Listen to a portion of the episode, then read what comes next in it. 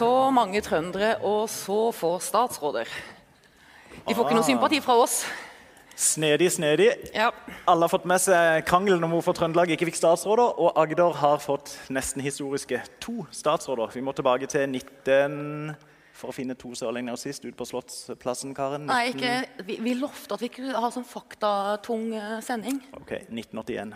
Høyre. Astrid Gjertsen, Tor Austad. Ja. Føler du at du har fått briljert nå? Satt uh... Ja da. Ja. Så uh, ja. Karen Kristin Blågstad, jeg er kulturredaktør i Fjellandsvennen. Og sammen med politisk redaktør i Fjellandsvennen, Vida Udjust, så driver vi en podkast med det eh, litt kleine navnet Udjus og Blågis. Vi, skal, vi, skal vi si hva vi hadde tenkt å kalle den? Podkasten? Aftenpodden har jo det naturlige navnet etter Aftenposten. Og så tenkte vi å ja, Fedrelandspodden. Men det ble jo litt sånn eh, Det litt slutten av 30-tallet. Så da Ja. ble det Udjus og Blågis. Vi driver en podkast hvor vi har som mål å aldri sjekke hvor mange lyttere vi har. Eh, Så det er grunn til å tro at det er riktig, riktig mange. Og at vi er et eh, viktig offentlig rom da på Agder, eh, tenker vi. Og vi har jo ofte gjester. Vi har veldig ofte med oss eh, sjefen vår. Sjefredaktør Eivind Jøstad. Men eh, siden det var litt viktig i dag, da, så eh, sitter han blant publikum et sted her, tror jeg. Denne sendingen skal vi publisere på Fjellandsvennen etter hvert, som en litt sånn eh, Agder-konferansen spesial. Og hvis dere nå tenker at å, dette blir en tung eh, seanse med bare Vidar og Karen, så er det ikke det. Vi har sett litt på gjestelisten. Vidar? Og plukka ut to av de eh, som vi syns er aller, aller, aller mest interessante blant alle de som er veldig interessante å høre på her i dag. Men da har vi rett og slett gått helt til topps, og så skal vi ønske velkommen ut igjen på scenen, for de har vært her også før i dag. Men NHO-sjef Ole Erik Almli og tidligere LO-sjef Yngve Haagensen, vær så god.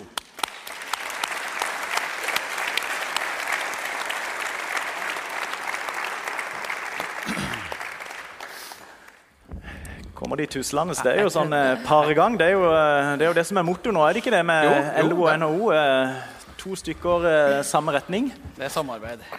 Samhandling, rett og slett. Du, vi tenkte å, eh, å høre litt grann først med deg, Ole Erik. Fordi Ja. at du er jo eh, Du har gjort kometkarriere i NHO-systemet.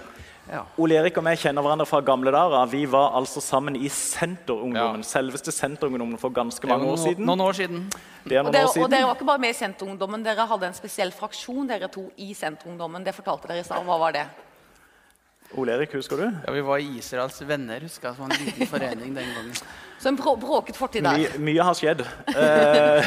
Eh, men Ole Erik, når, når bestemte du deg for å bli NHO-sjef? Det, er jo nesten ikke noe man bestemmer seg for. da. Man blir jo spurt på et tidspunkt om man kan tenke seg å være aktuell. og det var, Jeg var egentlig ganske sikker på at jeg ikke skulle være NHO-sjef når Kristin Skoglund sa hun skulle slutte. Men så får man jo litt mer lyst, og så får man jo snakka litt sammen med styret. sånn, Så på et tidspunkt eh, jeg bestemte meg, det var helt opp til at det var klart at jeg ble kjent. Og man går ikke gjennom livet og drømmer om å være NHO-sjef, men det er en utrolig viktig jobb. Og jeg føler en stor stolthet og ydmykhet ved jobben. Så nå er det full fart framover. Men også da vi satt sammen i lunsjen, så fortalte du at du traff en gammel kamerat som også var med i Senterungdommen, og, som, eh, og hvor, hvor det var snakk om hvor usannsynlig det var at Ole Erik Almli fra bygda i Nord-Trøndelag skulle bli NHO-sjef. Ja, Han sa det at, eh, at når du går ute en kveld og så ser du et stjerneskudd, det er ganske usannsynlig. Går du ut en kveld og ser to stjerneskudd, det er veldig veldig usannsynlig. Går du ute og ser to stjerneskudd møte hverandre, så det er en til ti milliarders sjanse. Og det sa han det var større sjanse at jeg ble NHO-sjef, men det syns jeg jo var litt sykt sagt. da. Men, eh, men, så, men jeg har jo vokst opp jeg har jo vokst opp i et industrisamfunn.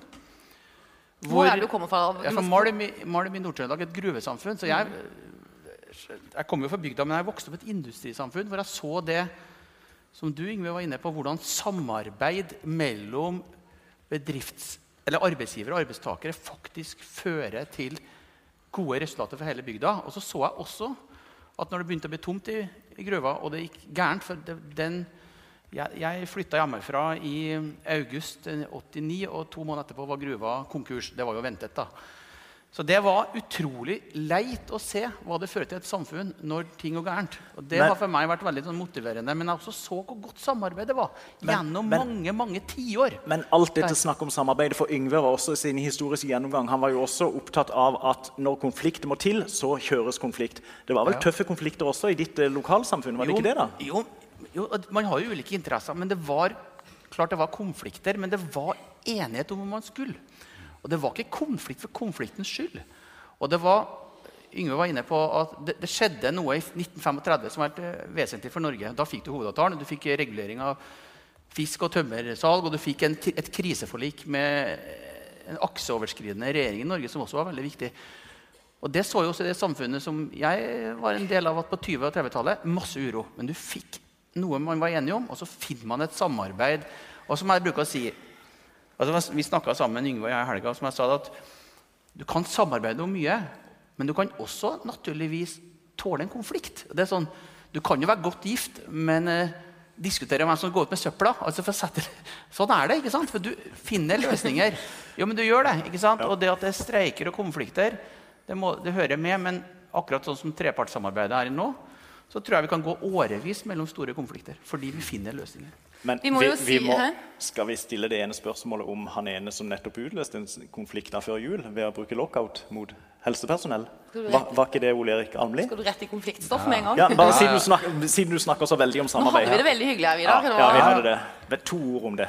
Ja, Var det eh, angrer du litt i ettertid? Nei, nei, jeg gjør ikke det. Og klart at Lockout er også et lovlig virkemiddel. Men det var jo ikke at det sitter utrolig langt inne i NHO å bruke lockout. Jeg tror, jeg vil, jeg vil si at Hvis at jeg kan gå gjennom min periode som NHO-sjef og ikke bruke lockout, så er jeg glad. Kan du love at dette var den eneste gangen?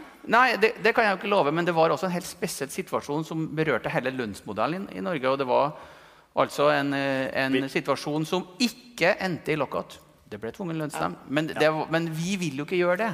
Og vi har jo som policy å finne gode løsninger hele tida. Og jeg tror vi sitter her om noen år, så jeg er ganske sikker på at vi har ikke hatt noe lockout etter det. Men vi kan ikke love det.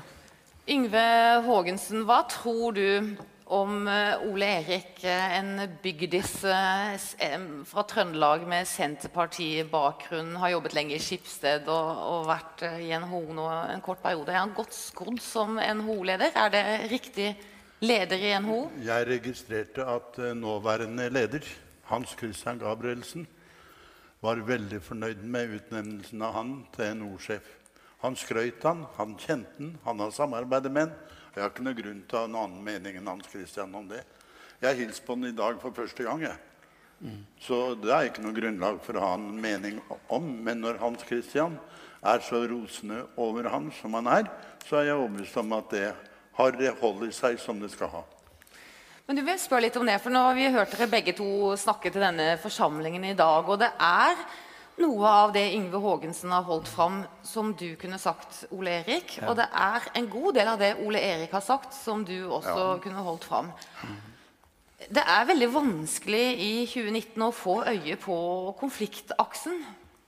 Skal det ikke være det? Selv om det er dialog, så har dere jo Han, hver han, deres han, base. greide, han greide bare for kort tid siden å si noe om EØS, som ikke var populært i LO.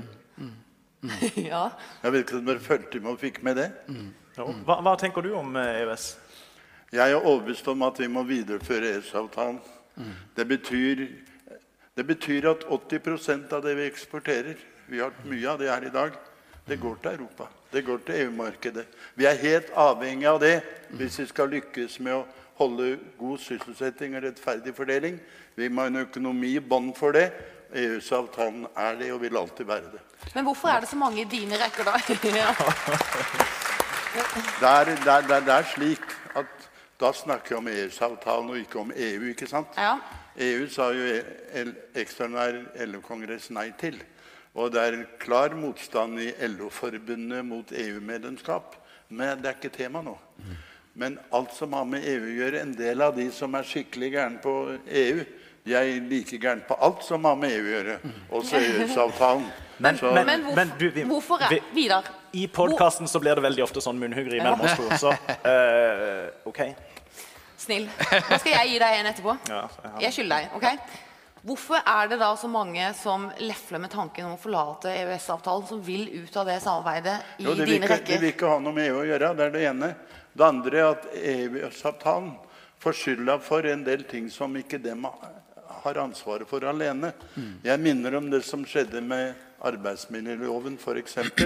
Det som har skjedd med sosial dumping, det har ikke noe med EU å gjøre. Det har med vår egen regjering å gjøre. Da må kritikken rettes mot Erna Solberg og co., og ikke Brussel. Men hvis du var LO-leder i dag, hvordan ville du håndtert det da, Yngve Haagensen? Ville du snakka hardt til medlemmene dine, eller hva Ja, ville jeg du gjort? ville, jeg ville hatt flertall for at vi skulle bevare og videreføre EØS-avtalen, og argumentert så godt jeg kunne for det.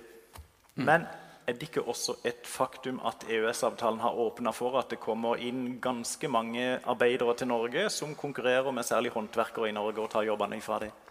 Ja, hvis, vi, hvis, hvis de kommer inn på like vilkår som nordmenn, så kan ikke vi protestere mot at de kommer til Norge og får likeverdige arbeidsvilkår som nordmenn flest.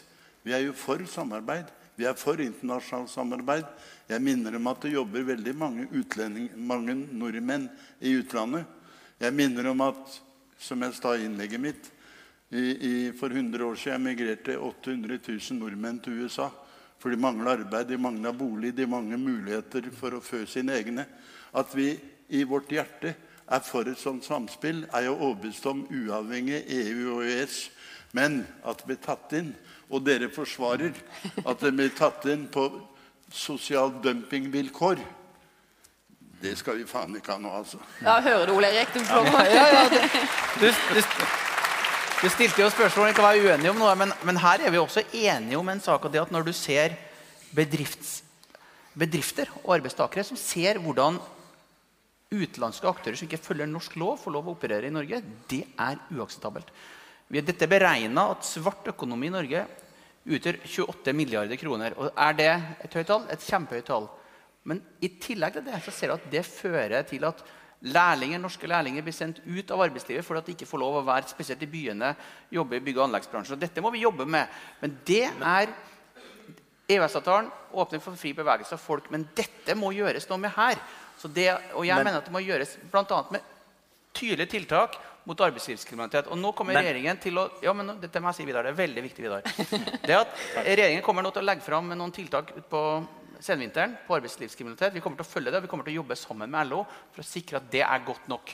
Det må vi få på plass. Men det, Da er du avhengig av en regjering som støtter deg i det du Ja. sier. Det har vi Ja. faen ikke, altså. Nei, og vi, og vi, og vi, satt, og vi er nødt, Nå har vi fått en ny regjering i dag. det er jo bare en par timer gammel, så Vi kommer til å kreve tydelige tiltak, sånn at vi får ut disse ulovlige elementene. Og det er til og med seriøse bedrifter som har laga ulovlige selskaper men, under. men seriøse bedrifter og dine medlemmer vil gjerne ha billigst mulig arbeidskraft. Nei, det er ikke sant. Det er ikke sant. Det der, de, det, du var inne på det, fedre, dyre, vårt dyre fedreland. Faktisk så er det sånn at våre bedrifter de vil ha fast ansatte medarbeidere med høy kompetanse. Og når de snakker om at de vil ha ny kompetanse, så vil de putte ny kompetanse i de medarbeiderne har. De vil ha det inn i det organiserte arbeidslivet. Vi, år etter år så finner vi løsninger i mellomoppgjør og hovedoppgjør med gode lønninger, bl.a. som et resultat av det. Så, altså det der, te, teorien om at man vil ha inn billig arbeidskraft uten kompetanse, det er ikke sant. Men, det, men dere vil gjerne ha fleksibilitet, som dere kaller det i arbeidslivet. Og det vil jo- si at folk skal kunne ansettes på kortvarige kontrakter. Nei, men Der er, jo, der er det noen nyanseforskjeller. ikke sant? Blant annet når vi ønska litt mer mulighet til å ta inn midlertidige ansettelser, så ser vi nå at det utgjør en liten andel av Norges eh, befolkning fortsatt. 92% av Norge, Norges, eller de som er i jobb, er i faste jobber. Det er en garanti mot useriøsitet. Og jeg må si det, når vi snakker om det arbeidslivet vi skal ha de årene som kommer, så tror jeg vi skal hegne om det å ha folk i fast jobb. Og så skal vi sikre at vi har gode etter- og og videreutdanningsreformer, så at det å være i jobb gjør at du også får læring underveis. Det norske arbeidslivet er et lærende arbeidsliv.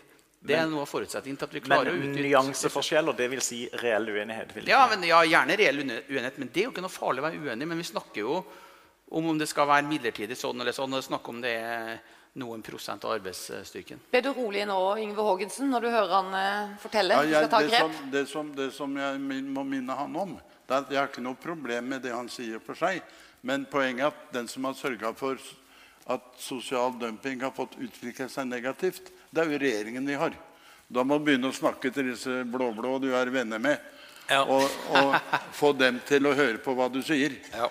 Ja, gjør du, gjør du det, Ole Erik? I Om jeg snakker med de, ja, jeg snakker veldig mye med de. Ja, men, ja, men Snakker du da med statsminister og finansminister og sier at vi fra NHO syns at nå er det gått langt nok, dette med midlertidighet? Nå må vi legge til rette for fast ansettelse. Nei, men vi, vi mener at det, den oppmykingen som kom nå i forbindelse med midlertidighet, var nødvendig. Og vi tror at det er mulighet til å se på det, et fleksibelt arbeidsliv osv. Men for å ta et eksempel på det, hvis du favner bredt om faste ansettelser, og det skal vi gjøre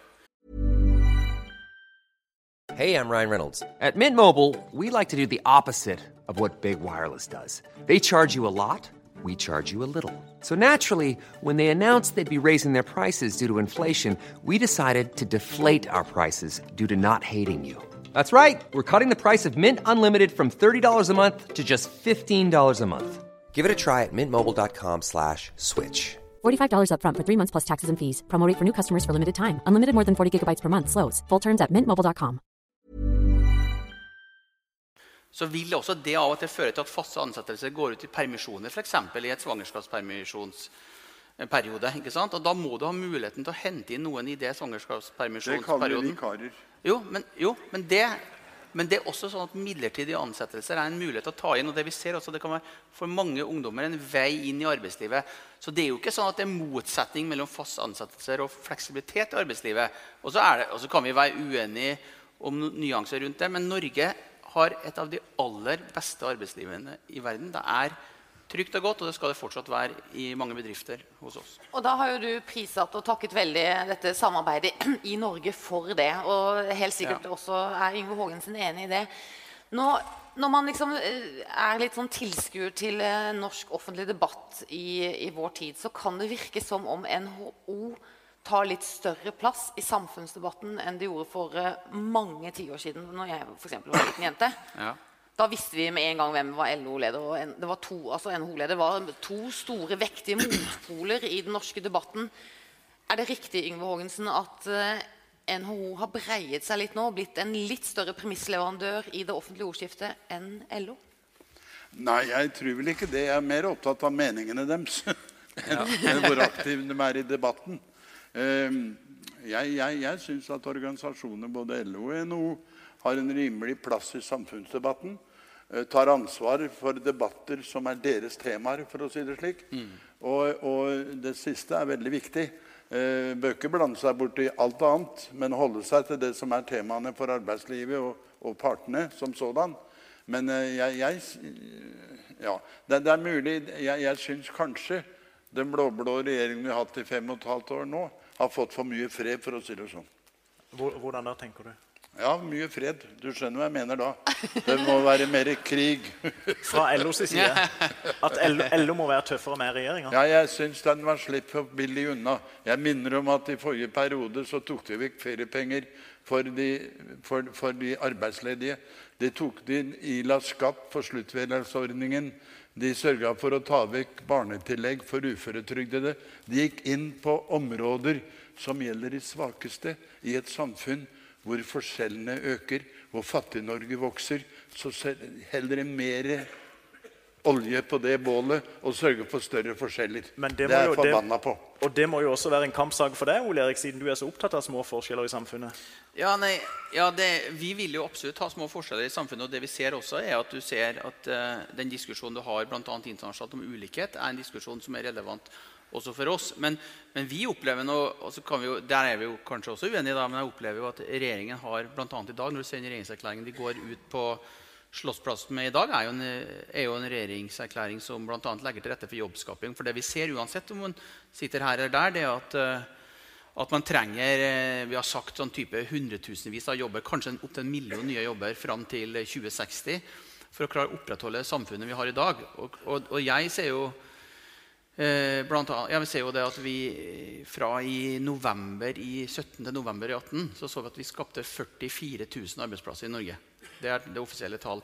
Av de som var tre fjerdedeler i privat sektor. så klart det, Vi ønsker å snakke opp mer. Og der kan jo hende Yngve, at liksom, hvor brei skal man være da, ikke sant? I, i den debatten. Vi trenger nok, og det snakka jeg også med Hans Christian om, vi trenger å kunne gå inn også i næringspolitikken av og til for å se hvordan skaper man de arbeidsplasser man trenger i privat sektor for å opprettholde annet det velferdssamfunnet vi har i dag. Men dere har, jo, dere har jo etablert denne årskonferansen i NHO som samler eh, virkelig beslutningstagere på høyt nivå og, og i stor bredde, og hvor dere også legger premissen for samfunnsdebatten egentlig langt utover områder som, som smalt sett hører inn under NHOs område. Syns du ikke det?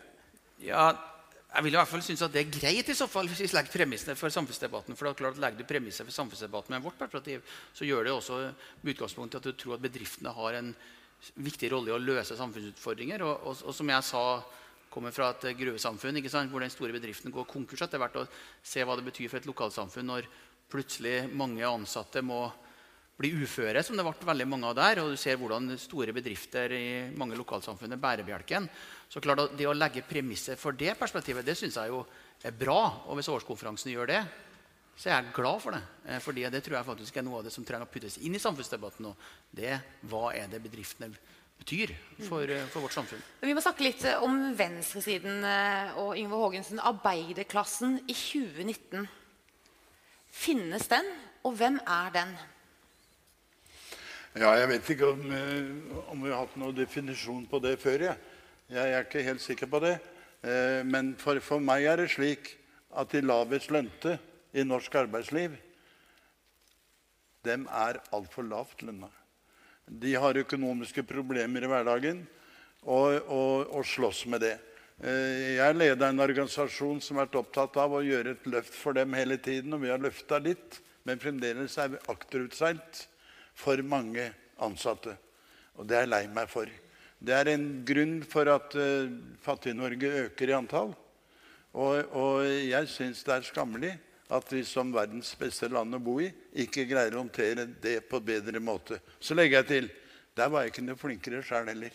Vi, vi, vi, vi løfta solidarisk lønnspolitikk, det hjalp en del. Men grunnleggende holdning mot Fattig-Norge det det var ikke jeg flink nok til heller. Og det er jeg forbanna på nå i dag.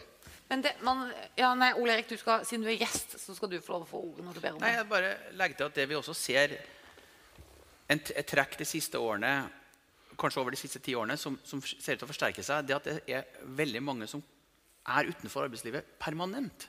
Altså at Du ser unge Blant annet videregående skole så har det vært mellom en tredjedel og en fjerdedel som faller utenfor videregående skole, og som alle kommer seg i jobb. Du ser en stor del av unge menn spesielt som permanent er utenfor arbeidslivet. Og klart at Det er jo en utfordring for storsamfunnet på mange vis.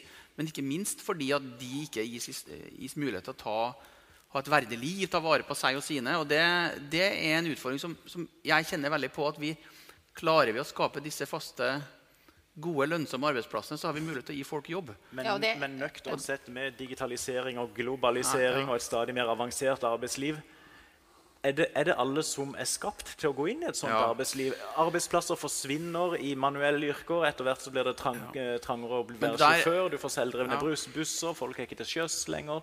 Fabrikker blir stadig Mm. mer eh, avanserte. Men det der tror jeg er en myte som har sett seg litt i for stor grad. At det ikke er plass til alle i arbeidslivet. For det er plass til alle i arbeidslivet. Og i Norge så har vi en lang tradisjon for at på alle nivå, uansett hvor det er hen, så er man, evner man å ta inn over seg den kompetansen som trengs. Og, og, og Löfven har sagt eh, Han ble jo statsminister nå litt mer permanent i, i Sverige. Han har sagt at jeg frykter ikke ny teknologi, jeg frykter gammel teknologi. Og hvis vi ser på det norske arbeidslivet, alltid vært omstillingsdyktig. Og hvis vi ser på lærlinger da, Jeg var, veldig, hadde møtt en lærling her som jobber med skru på bil. da, ikke sant? Og se på hvor utrolig høyteknologisk det å være lærling er. Og hvor artig det var for han å jobbe med det han har lyst til i et høyteknologisk en ramme. da. Han var i Tyskland og lærte seg nye dataprogrammer osv. Så, videre. så vi må ikke akseptere den forestillingen om at det ikke er plass til alle i arbeidslivet. Men vi må si til regjeringen, som står på Slottsplassen De står vel ikke der fortsatt, vil jeg tro. Nå har de kommet seg hjem, kanskje. Si at de må legge til rette for en kompetansereform på alle nivå, helt fra barnehage opp til høyere utdanning og til doktorgrader, som er litt mer retta inn mot hva er det morgendagens næringsliv, morgendagens arbeidsliv trenger. Har arbeidstakere i Norge vært for konservative og for lite innovative og uvillige til å ta imot eh, nye måter å løse arbeidsoppgaver på? Det svarer jeg definitivt nei på. Og Går du historien tilbake, så har vi hatt perioder hvor det har vært eh, vanskelig på arbeidsmarkedet. Det har vært konjunkturer som har svikta, det har vært høy arbeidsledighet. Men samtidig norske bedrifter og ansatte de har kontinuerlig fulgt opp kravene knytta til ny teknologi. Der, der, eh, jeg, jeg, jeg, husker, jeg husker jeg var på fabrikken hjemme i gamle dager. Så, så husker jeg kom her for 20 år siden. Da var det blitt en ny stor fabrikk. Og jeg kom dit, og da så jeg ikke et menneske foran maskinene. Da lurte på dem var den. Ja, se på raden på baksida der. Da satt de med hver sin maskin og styrte den papirmaskinen. Og så jeg, er det blitt av gubba nå? Nei, de ville ikke være med på dette her. De ble uføretrygda. De orka ikke det. Det var den generasjonen. Men i ettertid så må jeg bare si at er det noen arbeidstakere i denne verden som har lært seg å ta i bruk ny teknologi og bruker det til å skape solide, solide resultater for næringslivet i Norge, så er det norske arbeidstakere. De er jævla flinke. Og vi kommer til å flytte produksjon hjem til Norge. Fordi at det er som Yngve sier. Vi kommer til å flytte hjem. Og vi, vi må ikke snakke om at vi fordeler den kaka her. Vi fordeler en større kake. For jeg, et eksempel på det er REC Solar, som, har, som, man kjenner her, og som er på Herøya. Det er en bedrift som har flytta produksjonen sin tilbake til Norge fra Asia fordi at den norske modellen fungerer som en katalysator for omstilling og for det å ta ansvar. Så, det, så, vi kommer til å gå gode tider i møte hvis vi gjør dette riktig. Men, bare, minne om, bare minne om at på 80-tallet så mista vi Mo i Rana. Vi mista Kongsberg omtrent. Mm. mista Raufoss. Mm. Og i Horten i dag jobber det flere der enn de gjorde den gangen. Yes. Med hjelp av ny teknologi så er de bedriftene bygd seg opp, og større arbeidsplasser i lokalsamfunnet enn de var på solide dager. Det samme er vel tilfellet også i vår egen eh, region på Hunsøya i Vennesla, som jo var et gammelt eh, arbeidersamfunn, og hvor det nå er en enorm knoppskyting på, på nye bedrifter. Men um, Unnskyld. Uh, uh, tida går, Karen, men, men det var én ting ja, jeg, vi hadde tenkt Jeg brenner veldig med ett spørsmål. Kan jeg få lov til bare ett spørsmål? Ja. For det, vi, vi, må reflektere litt over Dere har jo løftet blikket litt, begge to.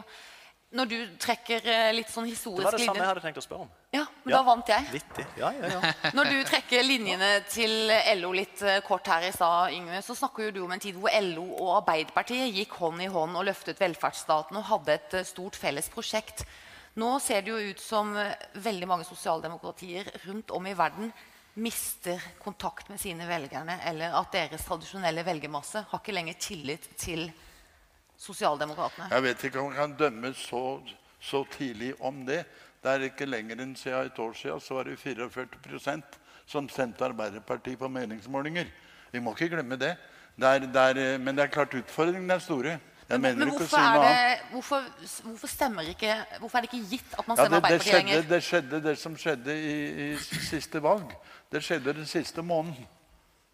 Men, det hadde ikke med langsiktig politikk å gjøre. Hva det var årsaken til, er jeg ikke helt sikker på. Men, men det skjedde den siste måneden. I Europa, i, i Tyskland, ja, i Frankrike, i Nederland ja. De forsvinner jo nesten. De, de ja, det, hva, hva, som skjer der, det ser vi jo sjøl. Og det er eh, høyrevinden som blåser de fleste stedene. Og, og hvorfor tar høyrepopulistene arbeiderklassen som velgere? Hva er det som gjør at de fanger arbeiderklassen? Ja, Da har vi gjort det for en dårlig jobb.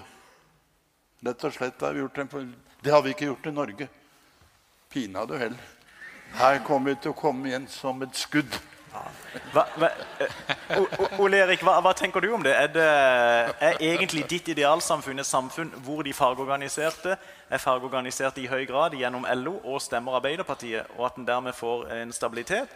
Eller er det litt mer fleksibilitet og ikke så farlig hvor, hvor disse stemmer, om de eventuelt går til høyre populistiske partier? Nei, Hvor de stemmer, det får noen andre mene, men jeg har veldig stor tro på det organiserte samfunn.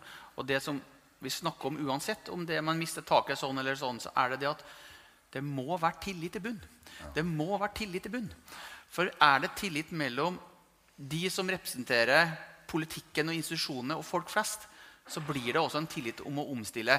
Og det Du ofte ser, du ser veldig mange vestlige at det blir en sånn dekobling da, av folk og, og, institusjoner og regjeringer som gjør at du får en mistillit. Og hva skjer da? Da får du ikke omstillingen. Da får vi ikke det vi snakker om. Det du beskriver, Yngve, som skjedde på de mange industristedene på 80-tallet, som nå er eksempler på at man har hatt tillit til hverandre, skapt nye arbeidsplasser, skapt nye muligheter.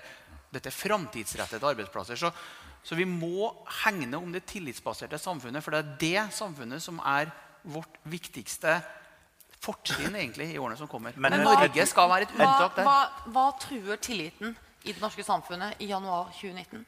Nei, jeg, jeg håper um, Jeg håper at um, og det, nå, blir jeg, nå kanskje jeg er litt gammel, men jeg håper jo at flere vil forstå verdien av den norske modellen. Og jeg tror, jeg tror at jeg og Yngve vi burde ha brukt et år vi på dratt rundt oss, eller vi i hvert fall, og unge mennesker sammen med oss burde ha dratt rundt og snakka om hvorfor den norske modellen er et konkurransefortrinn. Vi må få det inn i skolene. Jeg og Hans Christian Gabrielsen hadde en kronikk her hvor, vi med forferdelse skriver om at man er i ferd med å ta ut norske modellen som pensum i skolen. Altså, det er feil vei å gå. Vi må fortelle om hvorfor dette er viktig. Det, nå har vi tillit i samfunnet fortsatt, men vi må ikke legge til rette for at vi forringer den eh, tillitsbaserte samfunnet som vi er så glad i. Yngve. Jeg føler at i løpet av perioden vi går i møte nå, neste valg, så vil det norske folk ha skjønt at det ikke er tilfeldig at menneskekroppen er sammensatt slik at hjertet er til venstre og blindtarmen til høyre. Der er vi kanskje litt uenige.